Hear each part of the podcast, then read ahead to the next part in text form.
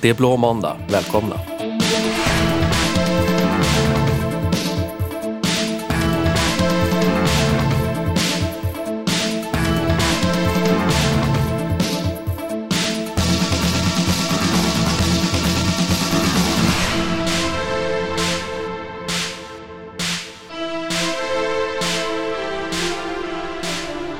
Blå måndags signaturmelodi remixad av Biker Boy. Den hette Dog Monday. Ja, det var lite rock'n'roll. Ja, Ofint att skicka in uh, gitarrbaserad musik eller slappbas till uh, syntpodden. men den där slappbasen, var inte det väldigt likt? Är det Girls on Film Duran Duran? Jag tyckte det lät som, eh, som Talking Heads. Eh, välkomna till Blå måndag ska ni vara i alla fall. Jag heter Måns Jonasson och vid min sida som vanligt min ständiga parhäst Anders Ljung. Hej, hej! Och Peter Josefsson eh, har ju tagit en liten paus från podden men vi tror att han är tillbaka kanske redan i nästa avsnitt faktiskt. Och så har vi såklart en gäst, Brenda L. Reyes. Yes. Välkommen! Tack. Vem är du? Ehm, jag är en tjej på 25 år. Det känns så konstigt att få den frågan. Vem är du? Hur många jordsnurr? eh, 25. Ja. Nu i alla fall. Ja. Nej, men jag är en elektroakustisk kompositör. Mm. Um, jättefancy ord. Det låter väldigt tjusigt. Ja, Ja. och jag använder det för att jag pluggar på Kungliga Musikhögskolan och läser elektroakustisk komposition. Just det. Och det är en särskild, ett särskilt program på eh, Ja, Kungliga det Musikhögskolan. det är en eh, bachelor. Det är liksom en hel kandidat på tre år. Hur många, hur många är det som läser det? I vår klass, som är en eh, ovanligt stor klass, så är det fem personer. Sen är det två eller tre och sen, har vi, sen är det mastersprogram. Brukar vara lite utbytesstudenter eller folk utifrån som kommer. Vi ska ju prata mer med dig sen, men jag tänkte jag bara kan inte hålla mig från att fråga. Vad har du för relation då till det som vi kallar för synt? Om du är liksom elektroakustisk kompositör, Ja, då är det väldigt mycket, kan jag tänka mig i alla fall, det är eh, drones och noise och Ja. liksom ljud och så. Inte så Det- mycket poplåtar. väldigt mycket det jag... Eh, Nej, men poppen är kanske inte riktigt där. Jag är inte riktigt där i den genren. Eh, Men själva synten som instrument, det är ju det jag gör. Det är det jag älskar och det är det som jag liksom bygger mina låtar utifrån mestadels. Ja. Vi kommer att prata mer med dig i andra halvan av programmet. Det ska bli jättespännande att höra. Kul. Ja. Kalabaliken på Tyrol. Anders, Ja. blir det något tåg? Oh, vad har hänt med den grejen? Jo, Just men det. jag är, jag är i mailkontakt med eh, Snälltåget för att se om, om vi kan eh, lyckas boka en vagn eller ett litet tåg. Men de, är, de har liksom en svarsfrekvens på så här två veckor. Så att Mm. Jag tror att snart måste jag göra det som jag inte gillar att göra, nämligen ringa ett Usch. samtal. Usch, Hemskt. det kan Ja. vara så ibland. Ja, Kan inte ni förklara vad kalabalik är? Ja, bra. Kalabalik på Tyrolen är en minifestival skulle man kunna säga. Ja. De pågår i två dagar eh, med bara synt och gott och elektronisk musik. Ja. Eh, och det är väl, vad ska vi säga att det är för inriktning? Det är liksom svart. Ja det, Det är ju inte, det är inte techno så Är inriktningen svart? Ja, inriktningen är svart. Det är inte Ja. så mycket techno, det är inte Nej. så mycket liksom, elektroakustisk komposition. Nej. Fast det kan finnas lite. Men det är liksom till 50% kanske goth och 50 synt. Ja. För att, för att vara en, liksom, inom en väldigt smal subgenre så är det ganska stor spridning. För det är ju alltifrån liksom ganska eh, naiv popmusik till tunga, liksom, tung industri. Och sen, jag har faktiskt sett några som är så här gränslandet konst och musik. Som är liksom performance och liksom... Vi var i något tält och det var massa rök och det var en ryss som gick omkring och sjöng och så kom det så här flöjter och gillar man ju. djur. Mycket, djur. Det mycket låter bra. ju helt underbart. Ja, det var, det Ja, var det faktiskt är en väldigt helt bra. alltså. underbar Ja. festival. Det är en väldigt liten festival i Småland eh, på en gammal övergiven folkpark. Ja. Eller övergiven är den ju inte, men väldigt gammal och kanske ska vi säga bedagad folkpark. Ja.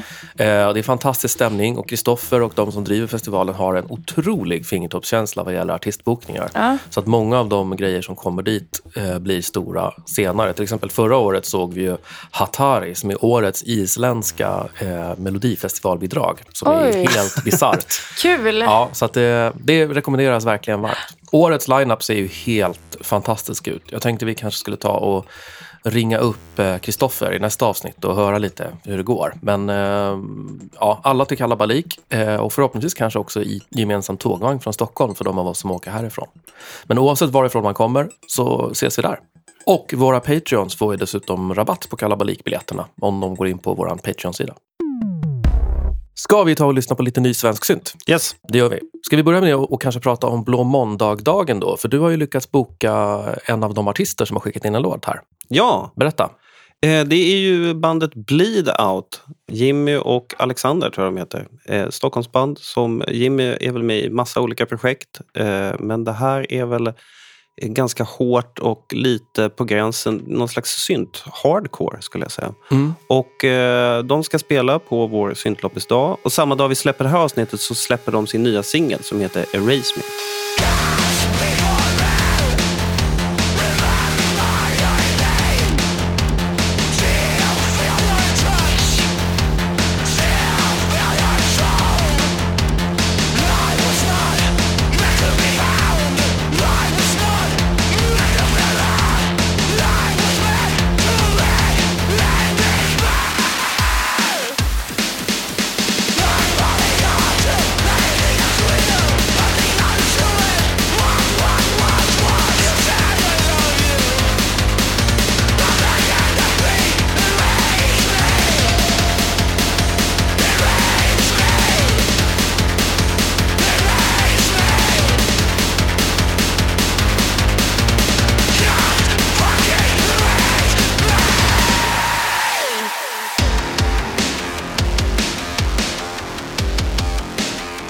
Erase Me av Bleed Out som alltså ska spela live på Blå måndags årsdag som är den 28 april i år. Jag har så olika namn för det. Syntloppis, Ja, årsdag, men vi kan, Blå måndag-dagen. blå, må- blå, Blå dag. måndagen. Blå, fast det är inte på en måndag utan på en söndag. Men det är på en söndag den 28 april i Stockholm på Go to 10, samma ställe som vi var förra året. Och det blir ju syntloppis även i år. Det var jättetrevligt förra året. Då kunde Ja. man komma och köpa och sälja eh, alla möjliga grejer. Köpte du någonting Anders eller sålde du bara? Jag tror faktiskt bara jag sålde. Mm. Jag fick- sålde massa prylar. Ja, Mm. Vi gjorde en sån här studiorensning och sålde av en massa gammalt junk. ja. Du sålde din Mirage. ja. Till eh, en snubbe som var där för att- och han stod och sålde också. Mm. Eh, och sen, eh, sen bara, ja, jag gillar ju en Sonic. Så. Ja. Jag har ju alla andra typ. Så här. Jag måste nog köpa den. Så han gick därifrån med Med en Sonic-samling. stor, tung, ja, Ja. en Sonic-synt. Det var trevligt. Det är fritt, fritt inträde. Alla detaljer finns på Facebook. Det blir eh, två spelningar. Syntloppis. Och Teenage Engineering kommer att vara på plats och ha med sig sin nya Modular 400 som Oh. kommer att provskruva och spela lite på den. Plus förhoppningsvis lite andra överraskningar som vi håller på att planera. Kul. Vad tror du Branda, ska du komma? Jag kommer. Mm, grymt. Jag vill så jättegärna se eh, Teenage Engineerings nya, Mm, den verkar jättespännande. nya är den gula, mackapär. eller? Den gula, ja. ja. Ja. Den verkar så himla cool. Ja. Är det liksom din, din bag av grejer? Ja, jag gillar deras grejer. Jag, jag gillar eh, deras design. Jag gillar deras... Man vill ju stötta svenskt företag också. hur? Väldigt viktigt. Eh, men eh, jag har deras Pocket Operator som kostar Ja, i- 7, nästa- 8, 900 ja. spänn typ. Eller Och de billigaste i alla fall. i syntvärlden ingenting. Nej. Och låter svinbra, Mm. Jag har jag. alla. Jag har en komplett uppsättning Ah, Pocket Operator. wow. Jag ska bygga ett rack åt dem har jag tänkt. Ja, själv. Men Nice. och, och så har jag köpt någon sån här synksplitter från USA så Ah. man kan synka alla på ett bra sätt. Ja. Jag har inte kommit längre än så. Men jag har i alla fall Ah. en komplett uppsättning. kanske kan hinna göra det till syntloppisen. Ja, jag kanske ska visa upp den där. Ja. Mm, det är bra. Det är bra, bra grej. Vi fortsätter i potpurrit då. Ehm, vi har fått in en inskickad låt här från artisten Sny. Jag hoppas jag säger det här rätt nu. Det är alltså SNY. Det kan ju vara Sny eller Snai. Låten The Hole släpptes på alla digitala plattformar den 7 mars och är skriven av artisten Toril Snyen som är från Norge men bor i Sverige. Låten är producerad av Trond Nedberg, det står faktiskt så, av Trond Nedberg och handlar om hur det är när folk man är glad i mår dåligt psykiskt. Vi tar och lyssnar på The Hole.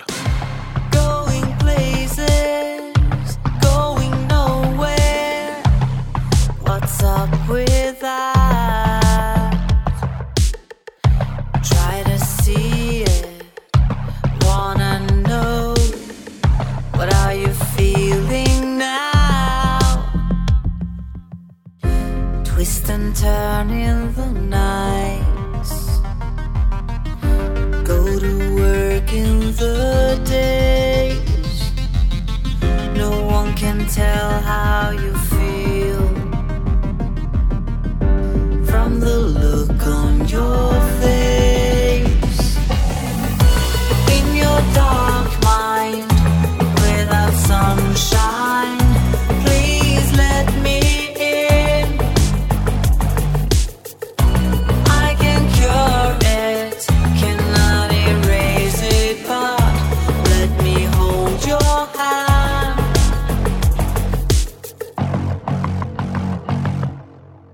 The Hole av Sny, eller Snai alltså. Lite mm. syntschlagerpop. Mm. Lite, jag fick lite BVO-feeling nästan. Ja, just det. Väldigt fin eh, vokalproduktion sa du, Branda. Ja. ja. Det tyckte jag verkligen mycket om. Det stack ut där. Mm. Mm. Sist i potpurrit den här gången har vi ju nästan glömt bort, höll jag på att säga, men vi har inte spelat hittills i alla fall Anna Öberg, poddbekante Anna Öberg som har skickat en eh, CD ett av sin nya som heter Vad fan har jag gjort?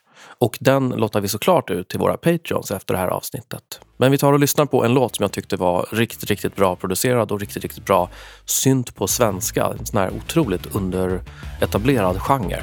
Men Anna Öberg har gjort en låt som heter Jag såg dig på en lördag.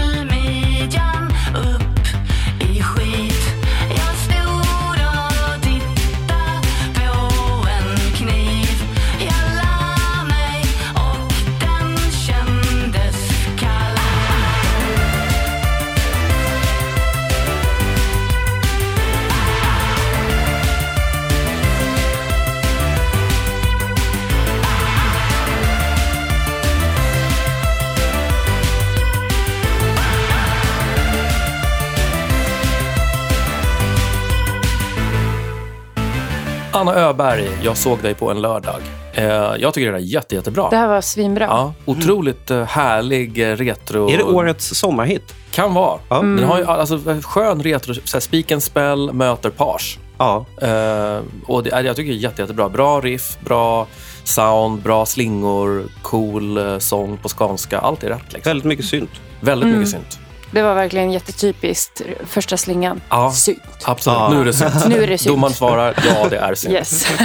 Som expert på Kungliga Från. Kungliga Musikhögskolan bestämmer jag att det här är synt. Ja, det är sanktionerat från högsta ort. Härligt. Det var allt för eh, Ny Svensk Synt för den här gången. Ni Ja. som vill eh, skicka in till podden, ni går in på blåmåndag.se och hittar vårt formulär där att fylla i. Peter är ju inte här, men han har precis som förra gången skickat en påse per eh, e-post skulle man kunna säga.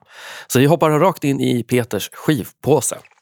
Jag läser ju, precis som förra gången, så läser jag det som Peter har skrivit. Kan du inte hans röst? Nej, Jag är så dålig på det. Men jag kan tänka, ni, får, ni får föreställa er att det är Peter som pratar nu. Bakom Majestolux döljer sig Conny Fornbäck med förflutet i både Spjuver Derivata och Sound Manufacturers. Han är också omslagspojke för Bengt Rams bok Den svenska synten. Det är ju cool cred bara där, Ja, ja, att vara omslaget på den svenska synten. Ja. Okej. Efter en lång paus från musiken är han aktuellt med ett nytt släpp på Keskill som heter Septic Shock. Ett album som inspirerats av en verklig nära döden-upplevelse. Det här är Majestolux Catch and Kill.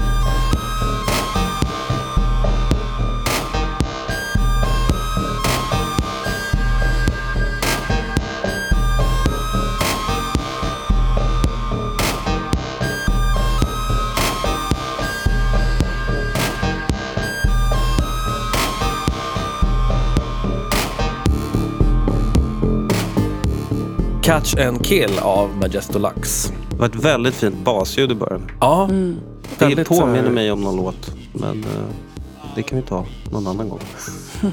Gary Newman firar 40 år som artist och Wave Tension Records firar detta genom att ge ut ett tribute-album. Alltså det här med tribute-album, det ser man inte så ofta nu för tiden. Det var väldigt populärt ett tag på, på 90-talet känns det som. Ja, Eller hur? det. Ja, nu har det i alla fall kommit ett. Och bland artisterna som medverkar här finns bland annat svenska ASG, Ashcode, Sewer, Box and the Twins och Then Comes Silence. Och det här är deras version av My Name Is Ruin.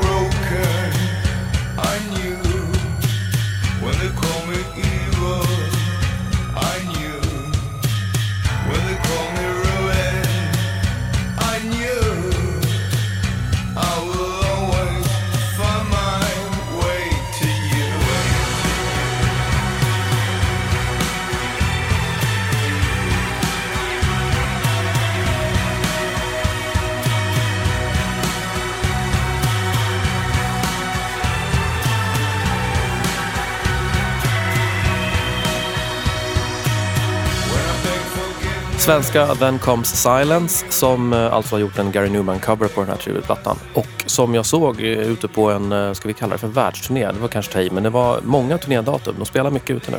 Jättekul. Det lät väldigt bra. Ja, fantastiskt. Dame Bonnet, eller Dame Bonnet kanske, kommer från Berlin och beskriver sig själva som ett new wave postpunk-kollektiv. Från debutsingeln Thoughtful Hits, det här är Adore.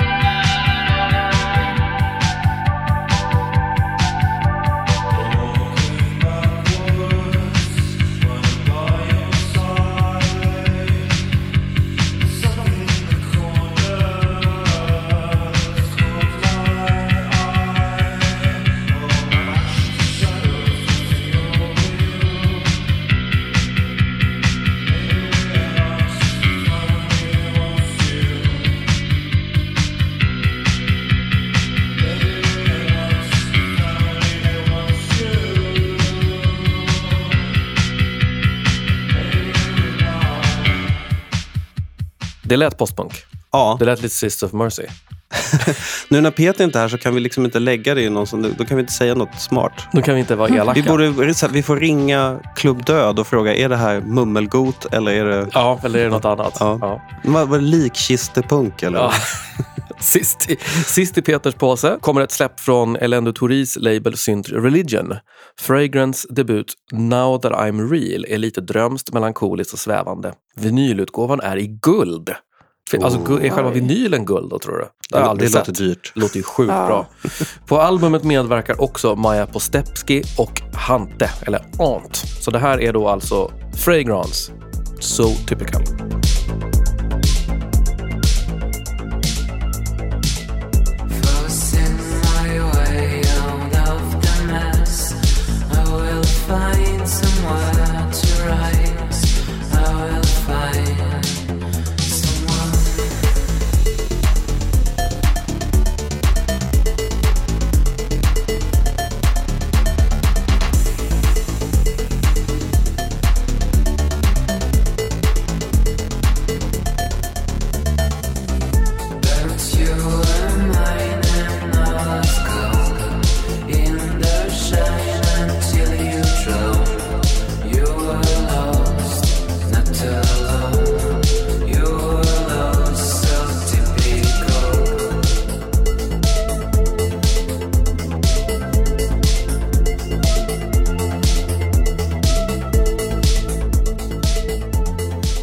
Fragrance, Now That I'm Real. Det var Ja. synt. Ja, Ja, Mera synt. Fast var- med en sån här mummelgodsång. ja, Ja. det var fin, fin sång. Ja. Ja. Stämningsfullt. Ja. Fast lite mer höstlåt. En, ja, det var inte så vår, vårlig känsla. Nej, det är liksom... Eh, Men hösten är väl syntens årstid. Det var allt för Peters skitpåse och nästa gång hoppas vi att han är tillbaka och så får ni höra hans ljuva stämma istället för min som bara läser upp det han har skrivit.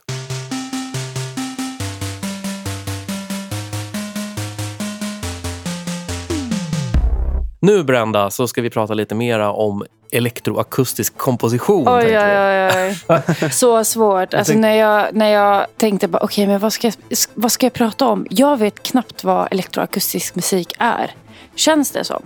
För jag tycker att det är liksom ett ganska svårt begrepp. Det är inte typ den här genren. Men eh, ja, Men är det är ett gammalt begrepp, elektroakustisk musik. Det, Det- låter ju inte så modernt. nej, det är ju ett jättegammalt begrepp. Själva begreppet kommer ju från två olika stilar. Och det är elektronisk musik och musik konkret. Och eh, de två tillsammans blir elektroakustisk musik. Och det, är ju, det kommer ju från efterkrigstiden. Där det var massa ingenjörer på radios. Alltså helt ärligt på typ public service. Public service hade jättemycket med eh, BBC var väldigt långt framme tidigt, ja. eller hur? Mm. Ja, väldigt mycket. Och så hade Frankrike en studio och så hade Köln en studio. Så, och där, där började det hela. Man kan säga att eh, elektronisk musik är från Köln och musik konkret är från Paris. Vad är då musik konkret? Musik konkret är musik från det kon- alltså konkret musik, musik från verkliga världen. Typ droppar. Eh, eller tåg. Alltså eller... det är inte musikinstrument Det är utan inte saker musik- i, i omgivningen. Liksom. Ja, precis. Och där har vi Pierre Schaeffer. Eh, som är, alltså musik konkret och Pierre Schaeffer, de går hand i hand. Det är, ehm, och hans första komposition, typ 1948, är av tåg. Där han har spelat in tåg och manipulerat ljudet. Mhm. Ehm, och Så det är han- tåg som sitter ihop liksom, på olika sätt? Ja, eller? precis. Olika ljud från tåg på olika sätt. Och då är det inga elektroniska eh, moment i det.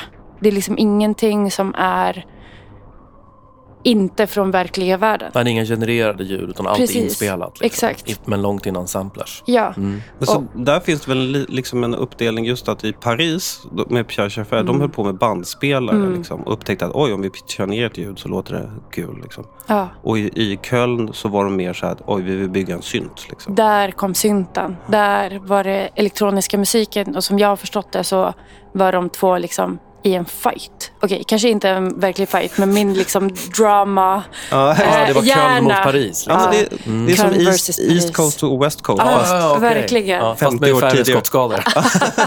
ja, fast med East Coast West Coast modulsynt. Liksom. Ja, Just ja, ja. det. Mm, jag Ja. förstår. Det, verkar, ja, det kanske är något trend så att man måste, så att man måste dela upp en, eh, sig i två läger och fightas lite. Ja, men jag tänker att folk vill känna sig hemma i någon grupp och därför måste det bli grupperingar och därför vi mot dem. Klantillhörigheten är stark Ja. bland eh, människor. Ja, Ja. det är så himla enkelt. Men det är ju, det är ju liksom de här två.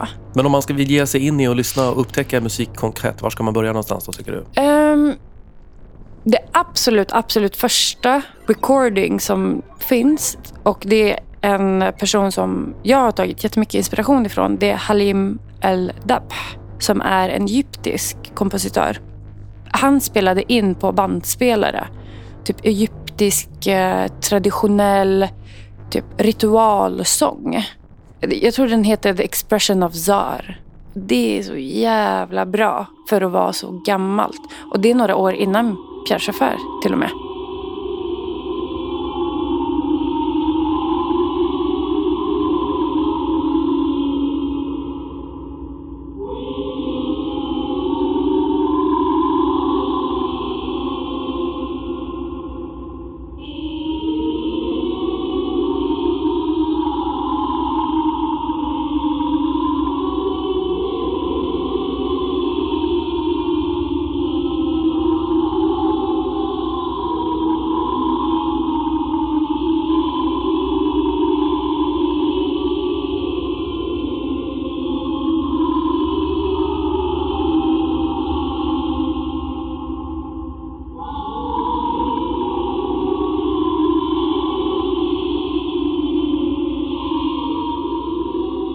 Ja, det var väldigt konkret. Ja, Ja. otroligt konkret. Men vad skiljer då detta från att bara någon har spelat in en eh, munk?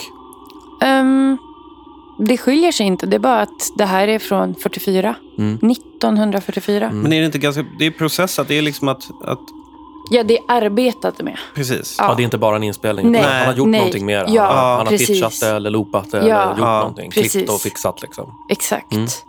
Om vi backar ett steg så, så kan man väl se att elektroakustisk musik är, det är en del av den västerländska traditionen med Bach, och Beethoven och allt sånt. Det är bara det att man, när man kom till den här punkten så var det så här, ja, det finns elektroniska grejer vi kan göra. Hur ska vi inkorporera det i vår, den här traditionen? Ja. Eller? Det är konstmusik. Ja, Det konstmusik. Är, Ja, det. Det, är, det är verkligen konstmusik. Elektroakustik. konstmusik är ju egentligen det man nu för tiden kallar klassisk musik. Liksom. Musik som inte är gjord för att eh, vara populär utan musik som är gjord för ett konstnärligt uttryck bara. Exakt. Mm. Precis. Som sagt, efterkrigstiden. ehm, men här så ser man, ja, men, i, i Kairo så spelade man in och tänkte på de här sakerna innan Paris Mm. till exempel. Mm. Ehm, så det kanske inte är liksom ett västerländskt uttryck. Men eftersom pengarna fanns i eh, ja, men västvärlden Och public service-studiorna och public ja. Mm. service-studiorna. Den personen som startade Köln-studion skrev till ledningen på radion att om vi inte bygger studion nu kommer amerikanerna göra det innan oss. Just det, det var lite kalla kriget. Eller så Ja, här, det är verkligen mån, månlandning, vem kommer först? Ja, ja. Och det kommer ju också från liksom, efterkrigstiden. Ja, ja. Det är ju Ja. så himla krigs... Man vill vara först. Man vill vara först. Ja. Och därför satsades det så Mm. himla mycket. Och icke-västerländska länder, gissar jag på, hade inte de, de motiven. Hade Ah. inte de här ja, Nej, agendan Nej. att vara först Nej, med någonting. Mm. Men som elektroakustisk kompositör då, är det fortfarande så att man håller på mycket med eh, liksom inspelade, alltså musik konkret, är det fortfarande en Ja. gren inom, Ja, så att säga, det är inte bara definitivt. syntar? Nej. definitivt. Mm. Det är jättemycket. Men det jag har sett är att det är väldigt blandat. För alla har sina egna uttryck och blandar så himla mycket. Men det jag skulle svara på är experimentell. Mm. Experimentell musik. Mm. Att man använder musik och ljud. Det behöver inte vara musik, det kan vara liksom bara ljud. Eh, för att skapa, kanske utan kommersiell vinning. Kanske utan att tänka på en viss genre eller något, något speciellt fack. Och experimentera med det man har. Jag, jag stöter på sån musik ibland Mm. eh, och då tycker jag alltid att det är ganska svårlyssnat. Alltså, Ja. Det är inte så kul att lyssna på. Nej. Tycker du också det? Eller, eller är det någonting som man Vissa. lär sig uppskatta? Det finns jättemycket som man bara, var, varför? Mm. Varför är det här? Men det roliga i det är att sen se processen. Och läsa om det och kanske se det live, uppleva det live. Jag vet med min musik, vissa saker vill jag inte bara ha en recording på och lägga upp på Spotify. Eller Nej, för det, det, kontexten är viktig. kontexten är otroligt viktig, rummet är väldigt viktigt. Det är Ehm, väldigt postmodernt ja. generellt. Att Ja. liksom I moderna konsten att det, processen är minst lika viktig som verket i sig och kontexten är viktigare. Exakt, Mm. exakt. Och för mig är det så. Eh, många andra är det också så. Någon gång runt år 2000 tror jag så gick jag EMS-studions, eh, det finns ju en elektronmusikstudio här i Stockholm som Precis. var sponsrad av public service. Är sponsrad av Ja, staten nu. Ja. Ja. Eh, men de hade en sån här, man kan gå kurser där liksom. Det är ett Mm. program. Och den första kursen är en så introduktion. Och då går man en termin och så det enda man gör är att lyssna på olika Mm. eh, EAM-musik. Och första gången jag var där så ja, men vi var 10-15 pers i ett rum och så satt vi och lyssnade på olika grejer. Så här. Och så var det något stycke som var liksom så här samplade röster som lät helt out. Liksom. Ja. Vi satt och lyssnade på det och då, var, då kom det en snubbe som hade kommit för sent. Och eh, han bara, ah, förlåt, jag kommer in så här. Och han hade några kompisar där också som redan satt där. Men de hade ju liksom slussats in i det här liksom, med att nu ska vi lyssna på det här och man kan tycka att det låter lite konstigt. Men han kom bara rakt in. Och han liksom, man såg på honom så här, vad i helvete Var jag är hamnat det?" någonstans? Ja, och så tittade han på sina kompisar och de, de fick så här skrattanfall. Så, så här, liksom så här, de var tvungna att gå ut och sådär. Liksom så. Och det, är liksom, det, det, är, det är ju lite så det kan kännas ibland med Ja. Ja, elektroakustisk där var man musik. tvungen att ha bakgrunden för att förstå vad det ens Ja. var Ja, man men precis. lyssna Så, på. ja, läraren hade ju liksom preppat så här, ja, men det här stycket består av röster och lyssna efter det här. Och Ja. liksom så där. Och då, när man får den ingången i det, då kan man ju liksom så här, men om man bara stegar in i ett rum där det är så här 15 personer som sitter och lyssnar på så här, liksom, då kan man ju reagera på olika sätt. Liksom. Och det är det som är grejen med själva processen och kanske processen av konstnären eller liksom kompositören som, som gör det är ju att den personen kanske experimenterar med någonting som är helt, helt nytt. Kanske, ja ah, men nu har jag ritat en bild. Istället för noter ritar jag en grafisk partitur. Mm. Och så har jag fem musiker som är i olika åldrar som jag har bestämt. Och det som kommer ur är det som... Man förstår ju själv. Om det är en ritad bild och så är det fem personer som är valda på grund av deras ålder. Det kommer inte låta så jävla bra. Men det är inte det som är grejen. Nej. Grejen är att det här är ett sätt att göra musik på. Mm. Det finns kanske någon parallell till, någonstans gick ju måleriet från att vara så här, det här föreställer en häst till att vara bara abstrakt konst. Ja. Och det här är väl liksom någon motsvarighet. Att Ja, Abstrakt det- musik. Ja. Abstrakt musik. Det skulle jag verkligen kunna säga. På tal om det här, liksom, hur lyssnar man på det? Ehm, det är ju en sån grej som kommer upp väldigt ofta. Ja, men som jag tänker mycket på. Hur lyssnar man på musik och varför lyssnar man på det? Och typ, okej, men på tunnelbanan kan man lyssna på någon, en viss musik. På, I en kyrka lyssnar man på, på, på ett helt annat sätt. Jag skulle aldrig, åh gud, jag skulle aldrig lyssna på Bach på tunnelbanan. Jag tycker Nej. det är för tråkigt. Går jag in i en kyrka eller en konsertsal, då är det en helt annan grej. Då har jag förberetts Mm, mm. på något sätt av att kontexten kommer vara det här. Mm. Och det finns någon som har inspirerat mig jättemycket är Pauline Oliveros. Och hon har utvecklat en musikteori som heter Sonic Awareness. Och jag tolkar det, det finns säkert massa olika tolkningar av det här. Men jag tolkar det som liksom hur man lyssnar på musik och vart man lyssnar på musiken och vad är det man lyssnar på. Det finns ju, man, man måste vara liksom aware. Mm. Ni, ni, ni känner säkert skillnad mellan när man lyssnar på någonting och gör något annat och inte tänker på musiken. Eller sitter på, kanske, ja men typ, på stranden helt själva eller typ i något fält eller ute på sommarstuga eller whatever. Och verkligen lyssnar på en låt. Då hör man något helt annat. Man hör ljuden på ett helt annat sätt. Tänker på musiken på ett helt annat sätt. Ska vi fortsätta vår resa genom elektroakustiska musikens historia? Efter eh, 40-talet och eh, musik konkret och eh, Berlin och Köln Mm. så hände ju väldigt mycket på 60 och 70-talet, eller Mm. hur? Och för att ta oss dit där vi är idag, om man säger när Ja, Kraftwerk kommer och gör liksom den sortens musiken populär, exakt. så händer det väldigt mycket innan. Ja. Vad, vad, vad, vad kan man lyssna på där? För, för jag är sugen på att lära mig mera och upptäcka den här världen som jag inte har så bra koll på. Ja. Var ska jag börja någonstans? Jag, jag lyssnar väldigt mycket på Laurie Spiegel. Spiegel? Mm. Oklart. Jag brukar inte få prata om det här jättemycket med mina kompisar. Så det är svårt att... Spiegel skulle jag tro. Spiegel. Mm. Ja. Den här är från 75 och heter Drums. Och eh, det hon gjorde var algoritmisk musik. Väldigt mycket data. Ehm, Är det polyrytmisk? Det att man har Ja. flera rytmer mot varandra. Ja, Ska vi lyssna lite? yes.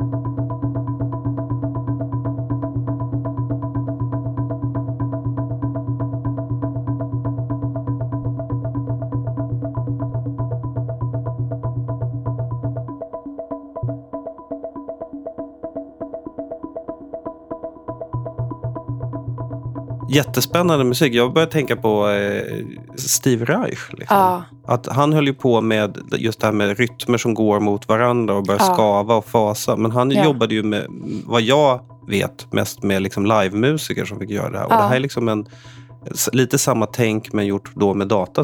Precis, men med, med maskiner. Ja. Ja. Jag tror hon var programmerare och de flesta av de här kompositörerna back in the days är ju liksom ingenjörer eller programmerare och skapar nya maskiner för att göra det de vill göra. Men ja, det är väldigt likt Steve Reich och jag tror det är många som har jobbat i de fälten, John Cage och Ja. som både har inspirerats eller kallas för elektroakustiska Ja, kompositörer. det. Man Ja. skulle ju kunna säga att många Steve Reich grejer är kanske elektroakustiska eller många eh, John Cage-låtar Mm. Ja, det. han jobbar ju med så här bandspel och radioapparater. Ja. Och, Men att det går över till att bli konstmusik menar du? Att det inte längre är liksom, populärmusik utan att det är Exakt. snarare konst? Ja, Mm. precis. Jag har ju jättedålig koll på de här personerna men gissningsvis så Mm. kände de ju till varandra och jobbade ihop på många olika sätt. Louis Um, Spiegel, var, var det så här New York eller Los Ja. Angeles? Eller, ja. Bell Laboratories och jag tror det är i Chicago. Mm. Mm. De gjorde ju coola grejer. Mm. Bell Mm. var ju alltså det stora telefonbolaget i, Ja. i USA på Där den jobbar tiden. väl han Shannon, Claude Shannon som har så här informationsteorins eh, grundare. Killgissning? Nej. Nej, du kunde det? Ja, ja, jag vet. ja. ja, vad mera? Ehm, jag tänkte att vi såklart ska lyssna på Stockhausen. Ah. För Stockhausen har ju till och med jag hört talas om. Ja. Eh, och Stockhausen är från Köln. Från liksom den eran, från den generationen. Vi lyssnar.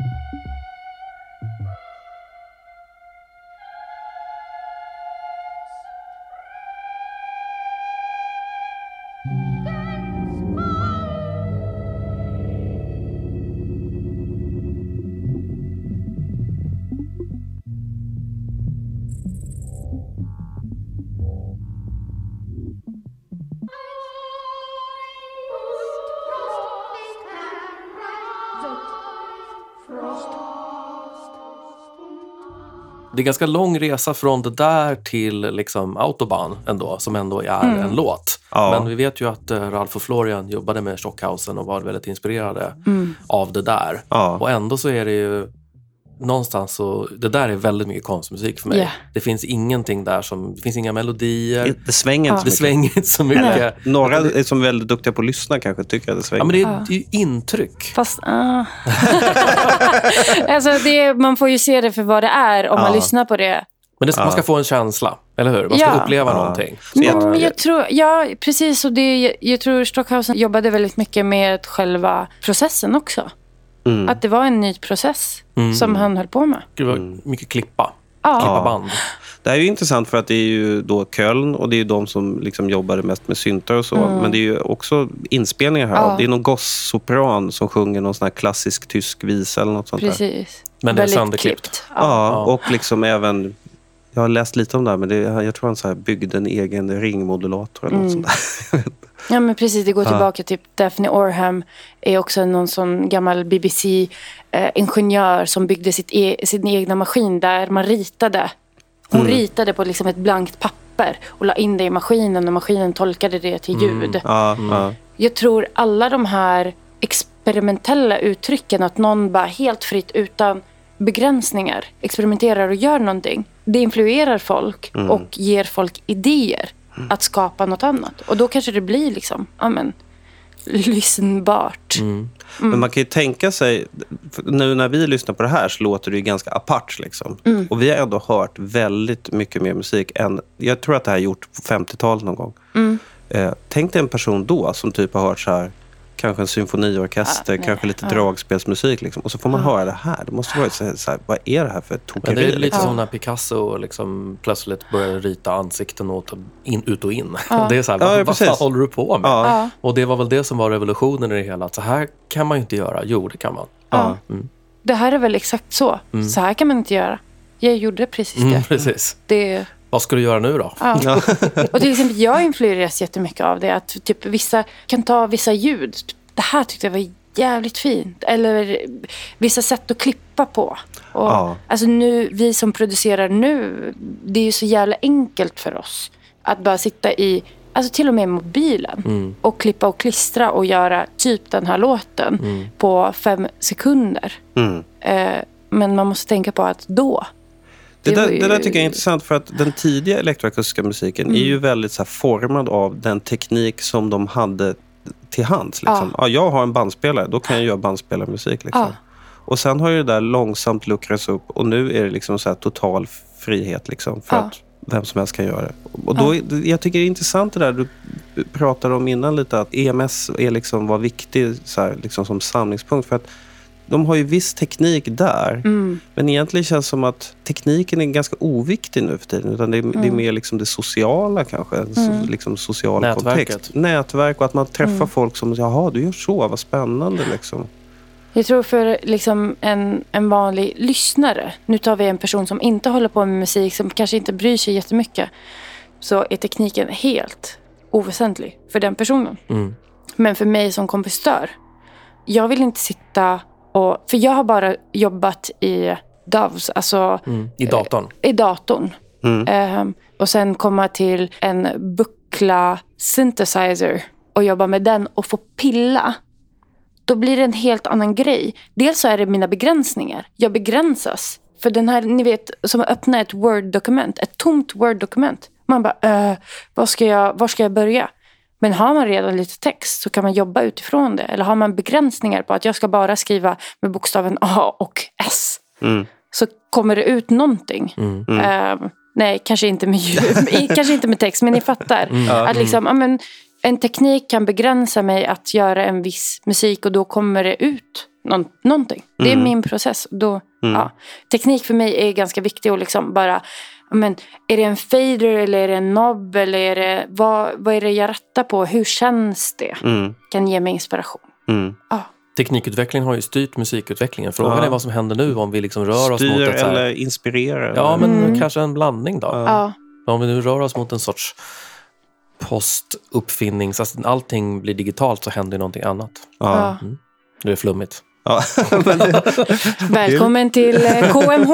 Ja, precis. Det är så- det går till.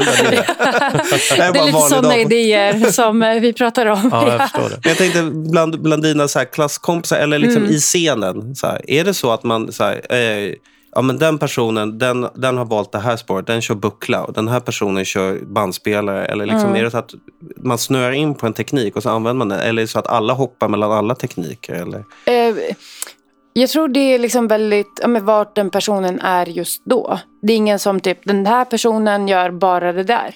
Men vi har till exempel en masterstudent, Callie, som har blivit så jävla inne på att stämma orglar. Alltså stämma om orglar. Stämma om orglar och eh, Det är det, jävligt smalt. det är otroligt smart. Alltså, Men här, det är väldigt konkret. Alltså, Ja, så här. Ja, liksom, Men hon går liksom master, masterprogrammet och dels jobbar med orgelmusik. Jag antar att det började med um, orgelmusiken och att hon har ett intresse för I och för sig, det lär olika alltid stämningar. behövas någon som kan stämma en orgel. Absolut. Mm. Och jag tror att de som om några år kommer de dö. De som Ja, ja, finns. Det nu. är säkert ett framtidsyrke på det sättet. Ja. Mm. Ehm, Men utnyttjar en del i musiken. Liksom, att nu har jag en kyrkorgel här och så stämmer jag om den helt skevt och så blir det nya ljud. Liksom, eller? jag tror det. ja. Ja.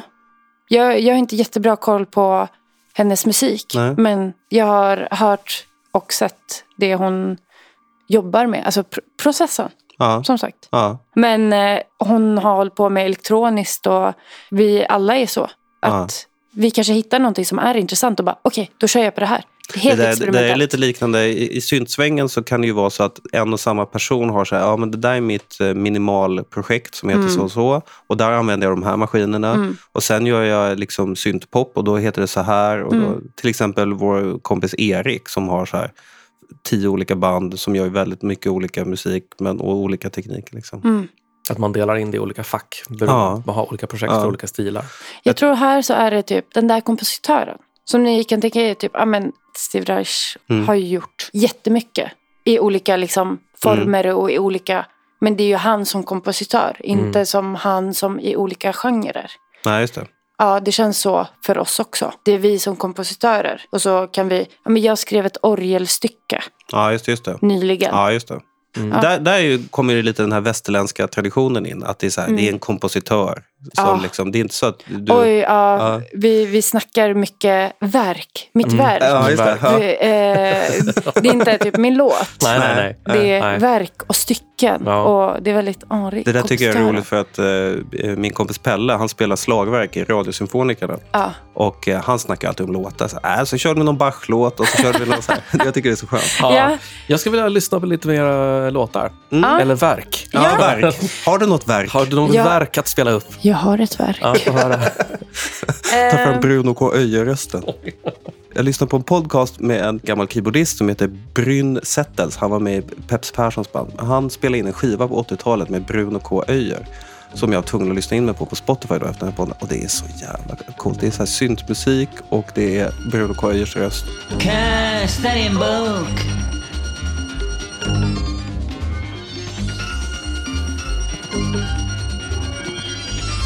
Kasta din bok, jag vann.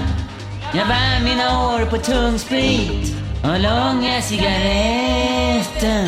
Vart jag gick fick jag sällskap av chanslös res som kom till mig och törstade efter lena tåg.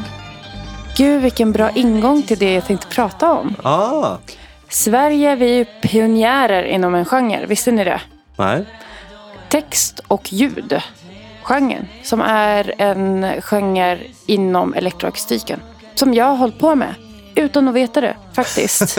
jag skapade ett stycke, ett verk.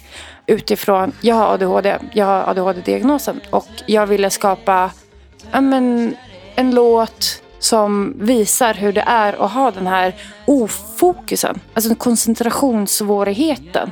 Och försöker visa det adduellt. Och då har jag tagit ett YouTube-klipp på någon professor som pratar om ADHD. Och försökt sätta, Och ljudsatt. ja, försökt sätta lyssnaren som um, audience, publik till den personen. Till den här professorn. Med ljud. Så som jag hör det.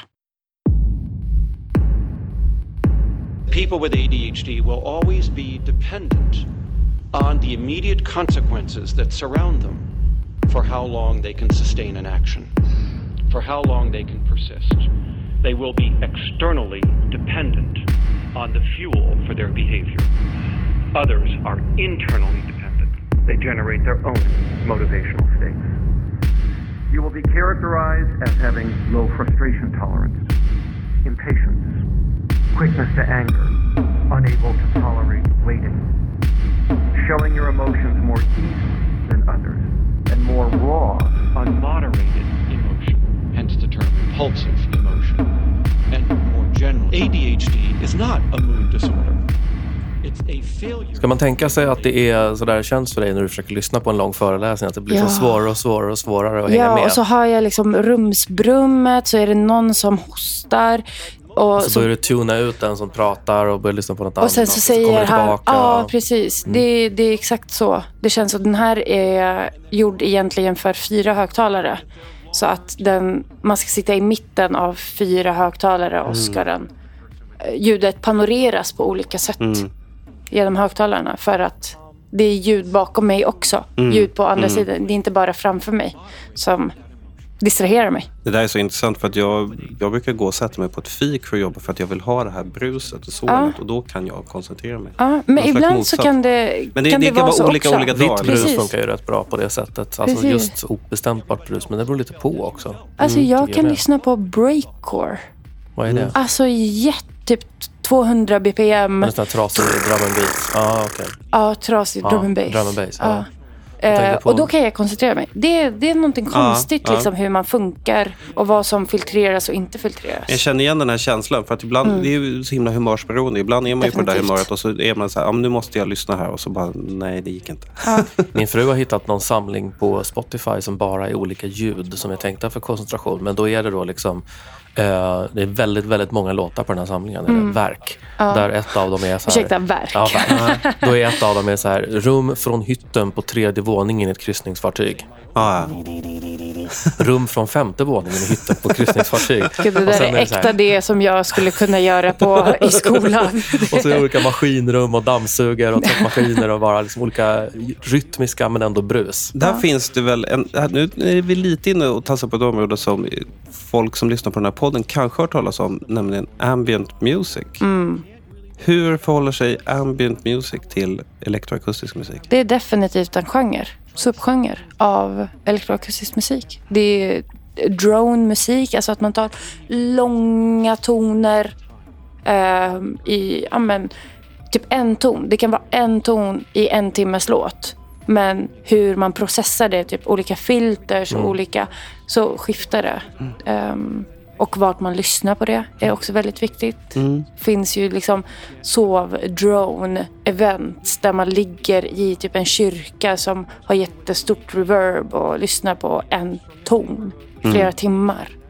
Och så är det med mycket elektroakustisk musik i rätt kontext. Jag skulle aldrig tvinga på en person att lyssna på min musik i fel kontext. För jag vet att det är helt jävla whack. Det funkar ju inte. Det, den personen kommer inte ta till sig det.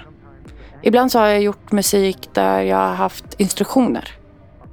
Eh, till exempel att du måste lägga dig i din säng. Mhm. Du måste ligga i sängen och du måste stänga av din mobil. Mm. Du får inte ha någon annan distraction. För då kommer du inte höra den här låten. Mm. Du kommer inte höra de här subtila ändringarna som jag har gjort. Men om du följer mina instruktioner, då kommer du få den upplevelsen. Har du valt eh, lite låtar som du har med dig? Ja, alltså jag ville hitta mitt musikuttryck. Jag är libanes och jag är uppväxt i ett eh, väldigt kristet hem. Och vi har varit på många olika kyrkor. Alltså både protestant, ortodox eh, och eh, jag har ett musikaliskt språk som är kyrkomusik men inte västerländsk kyrkomusik. Jag har ett musikaliskt språk som är arabisk kyrkomusik. Och så ville jag få ur mig det för jag lyssnar inte så mycket på det. Eller då när jag gjorde det här stycket lyssnade jag inte så mycket på det. Och det är den låten jag tänkte man kan lyssna lite på. Den heter Hymn from the Faithless. Och eh, sorry mamma, men det är jag som är the faithless.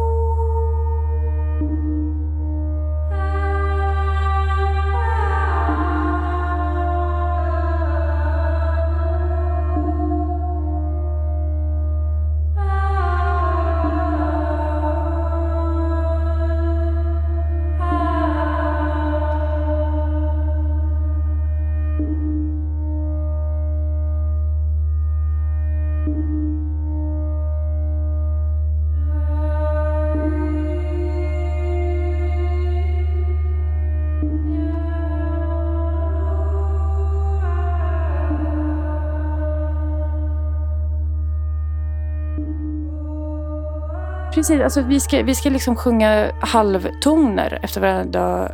Jag kan inte kromatiskt det. liksom. Ja, precis. För att jag, min hjärna hoppar till liksom kvartstoner ibland. Okej. Och så sitter jag så här och liksom blundar och koncentrerar mig på det som egentligen är jätteenkelt. Jag har jobbat Ah. en del med intonation i min kör och då finns Mm. en jättelång och avancerad bok om körintonation som vi Mm. har läst lite utdrag ur. Och då får man lära sig att den kromatiska skalan som vi använder oss av, den är, låter inte så bra i, framförallt inte i kör. Mm. Så där behöver man egentligen, vissa ska man liksom gå över några hertz, Mm. vissa ska man gå under några hertz och så Mm. vidare. Och det, det säger ju rätt mycket om att hela vårt musikaliska system är ju bara ett system som är uppfunnet av någon en gång i Mm. tiden för att man Ja. tyckte att det lät bra. Men sen kan det ju finnas variationer som gör att ja, här tycker man att det låter bättre och här tycker man att Mm. det låter bättre. Men, Det är ett kapitalistiskt påfund. ja, men utifrån det tekniska, Ja. ja. men på vilket sätt då menar du? Nej, men jag, jag tänker, det bestäm, man bestämde ju att 440 hertz Mm. ska vara ett A för att man ska kunna massproducera Ja, instrument. just Att de ska kunna spela Ja. ihop utan att stämmas och så. Ja, Mm. här, här kommer min eh, Ja. Kungliga Musikhögskola-analys. det är jätteintressant. Utifrån ett... Mm. eh, ja. Mm.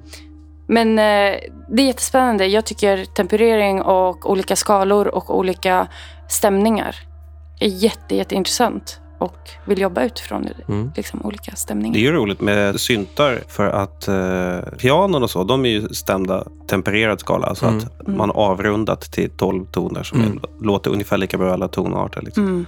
Mm. Men det finns ju en marknad för syntar som kan stämma om sig i olika eh, speciella skalor och så. Liksom. Mm. Du vet till exempel DX7 tror jag. Kan. Jag kommer ihåg att vi hade ju i, i Artfact hade vi ju en Yamaha V50 och eh, den tyckte inte vi var något bra alls på den tiden. Nej. Vi gjorde rätt mycket låtar på den.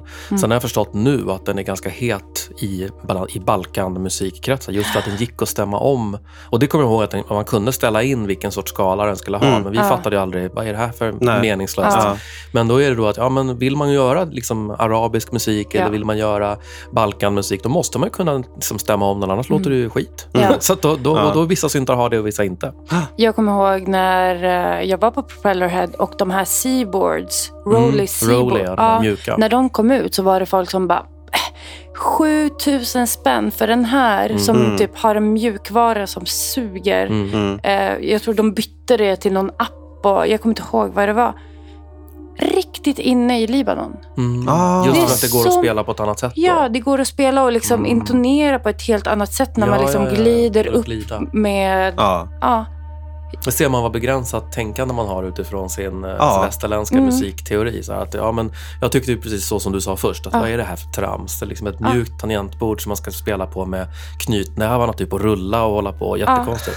Ja. Och så säger du nu att ja, men det finns en annan marknad utanför lilla Sverige där du bor. Ja. där människor uppskattar Ja. att kunna Nej, glida men mellan jag kom tonerna. dit och bara, Ja. jaha, Ja. det är här de Mm. används. Det är här Ja. de finns. Mm. Ja. Och, och alltså pitchbend Mm. på alla syntar nere i Libanon, de används Mhm. typ mer än, än tangenterna. Ja, ja, ja, är så... Det är jätteintressant, det har jag aldrig tänkt på. Mm. Men det är såklart. Mm.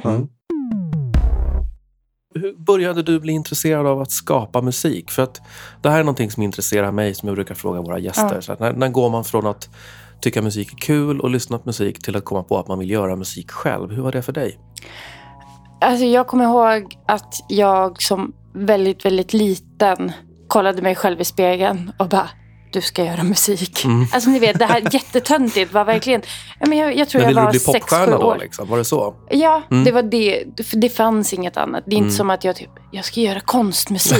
Som det fanns, sexåring, Som sexåring. Det fanns inte i min värld och jag kommer Nej. inte från liksom den familjen. Vi har inte det här kulturella kapitalet som gör att jag hade någon form av vetskap att det här existerade. Att det jag gör går att göra. Nej. Men jag har ju ja, jag har alltid haft musik. Jag har alltid gått kör. Jag har alltid gått... Ja, men.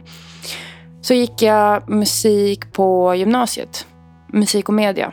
Och när jag tog studenten, då var jag tvungen att välja. Okej, i min familj är det väldigt viktigt att man har examen. Vi flydde hit från Libanon. Ehm, ni vet, man har den pressen Mm. på sig att prestera ehm, utbildningsmässigt. Och då tog jag en kandidat i digital media. Då valde jag media istället för musik. Jag pluggade digital media, jobbade som kommunikatör i några år och insåg det här är inte hållbart. Det är inte hållbart för mig. Och då bestämde jag mig, okej men vad är det jag vill göra? Jag vill plugga om. Jag vill lära mig allt som går och ja, sadlade om till Musikhögskolan. Men hur kom det sig då att du valde just elektroakustik? Jag gick de här kurserna på EMS, alla tre nivåer. Så första nivån är introduktion i elektroakustik som genre. Andra nivån är utbildning i studiorna. Och tredje nivån är komposition. Vi backar ändå. Hur kom du in på det då? Jo, För det är ju inte alla som kommer på att de ska gå på EMS. nej. Då var det så här. Jag är med i någon Facebookgrupp för kvinnor och transpersoner. Och eh, någon kväll när jag scrollar i den gruppen då ser jag att någon har lagt upp Popkollo startar eh, ett nytt program för kvinnor och transpersoner som vill eh, börja producera. Vem kan bli producent? Heter den. Och jag kommer ihåg så tydligt. Jag skickade in min ansökan fem minuter innan ansökningsslut. Jag bara, om jag kommer in, då kommer det här ändra mitt liv. Om jag inte kommer in, ja, då, då this is my shit life. Ja. Då är det kört nu. Då är det kört. Nej, men jag tror jag behövde den peppen från andra kvinnor och transpersoner för att ja, men bara inse att jo, men du kan kalla dig själv för producent. Det här är en möjlig karriärsväg för dig. För det trodde jag aldrig att det var. För att, jag vet inte, jag var, jag spelar gitarr men ni vet, det finns så jävla många andra som är duktigare än en och jag sjunger. Men där också, det finns så jävla många som är så mycket duktigare än en. Jag liksom hittade aldrig min plats. Och Vem kan bli producent är en åtta månaders producentutbildning på kvällar och helger. Och då gör man allt. Alltså allt ifrån lära sig rumsakustik och vara i KTHs silent chamber, ni vet de här absolut tysta rummen, till att spela in rockband, till att liksom, lö- jag lödde min första synt där. Det var verkligen en vändpunkt för mig. Jag bara wow. Jag hade två oscillatorer, alltså ljudgeneratorer. Och bara oh my god. Jag har skapat det här. Det här är så stort. Jag har byggt ett instrument. Jag har byggt ett instrument. Och det var, det var verkligen, jag bara, det här måste jag hålla på med resten av mitt liv. Det verkar ju som att den... Eh, jag känner ju Marie Kry som är en av de som driver den där Popkoll och Vem kan bli producent. Det verkar ju som att de har träffat rätt. Otroligt rätt. Det Det, är bara- jättebra. Mm. Och där var vi på EMS väldigt mycket. Ja, Men jag tycker det fina med statligt ägda studios, vi- vilket är en i hela Sverige och det är ju EMS, är att de är väldigt måna om vem som får vara där. Och att de öppnade upp dörrarna för Popkollo. Bara att vara i de studiorna Mm. var så himla ögonöppnare för mig. Och så himla trygg. Det blev en trygg plats för mig att kunna skapa musik. Lite fördomsfullt så tänker jag Ems, då tänker jag gubbar i liksom, eh, vita rockar höll jag på att säga. Men Ja. liksom, det är ganska mycket gubbar. Men Det är nej, ganska mycket gubbar, men inte nu. inte längre. Ja, Nej. för jag tycker att de har väldigt medvetet. Jag vet inte riktigt hur de jobbar, men jag tror att de har någon form av... Men vi måste ha så här många eh, av varje kön i de här kurserna. Mm. Någon hoppade av och då fick jag börja den här kursen. För annars är det typ tio års väntetid på dem. Oj. Ja, det är liksom sjukt lång tid tills man får komma in. Och någon hade hoppat av och då hörde jag av mig. Alltså jag tror jag mejlade eh, administratören typ 70 gånger och bara Hej, jag vill gå de här kurserna. Finns det någon plats? Finns det någon plats? För jag var så sugen på att börja Ja. det. Och då fick jag plats där. Och eh, jag vet många andra kvinnor som har kommit in på det sättet. Och det gör att det skapas en balans.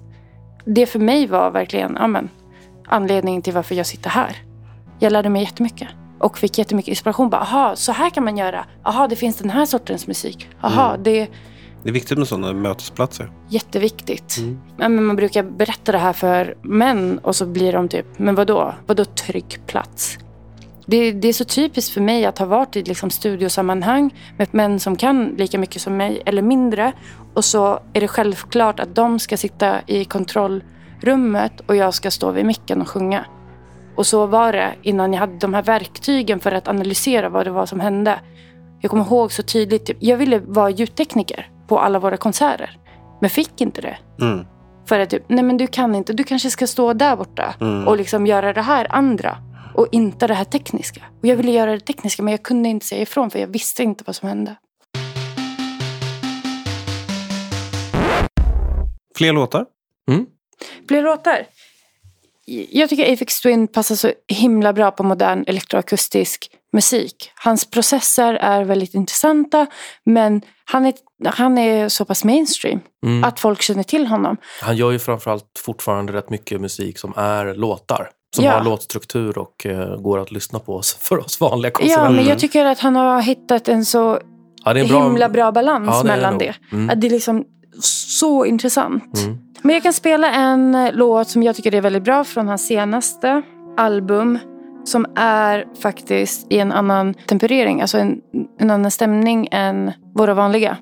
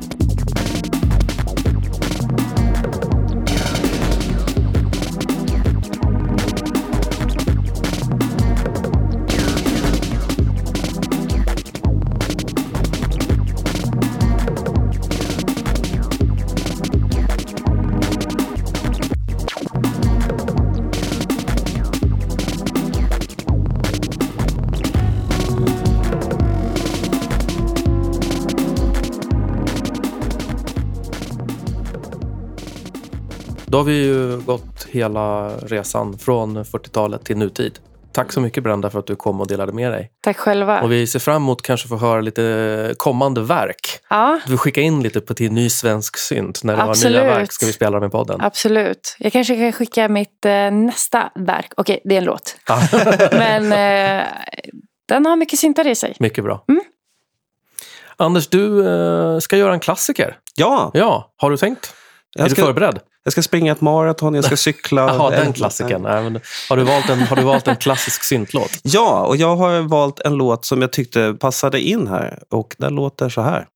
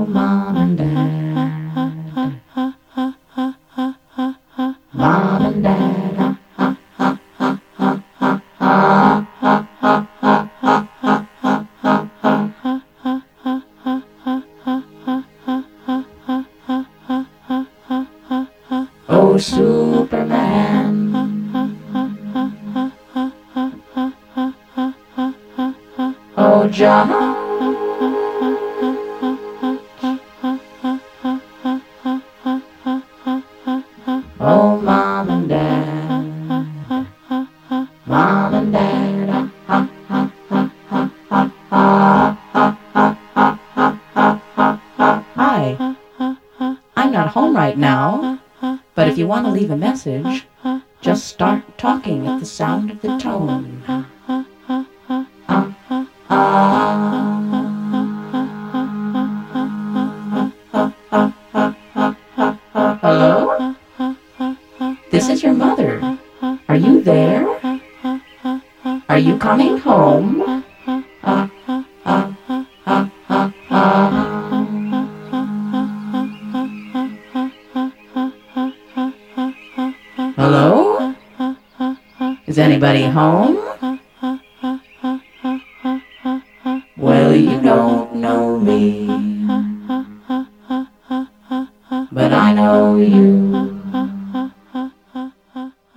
Känner ni igen den? Ja, Old Superman med Laurie Anderson. Jag gjorde en, eh, en jättepretentiös eh, film med dans till den här gymnasiet.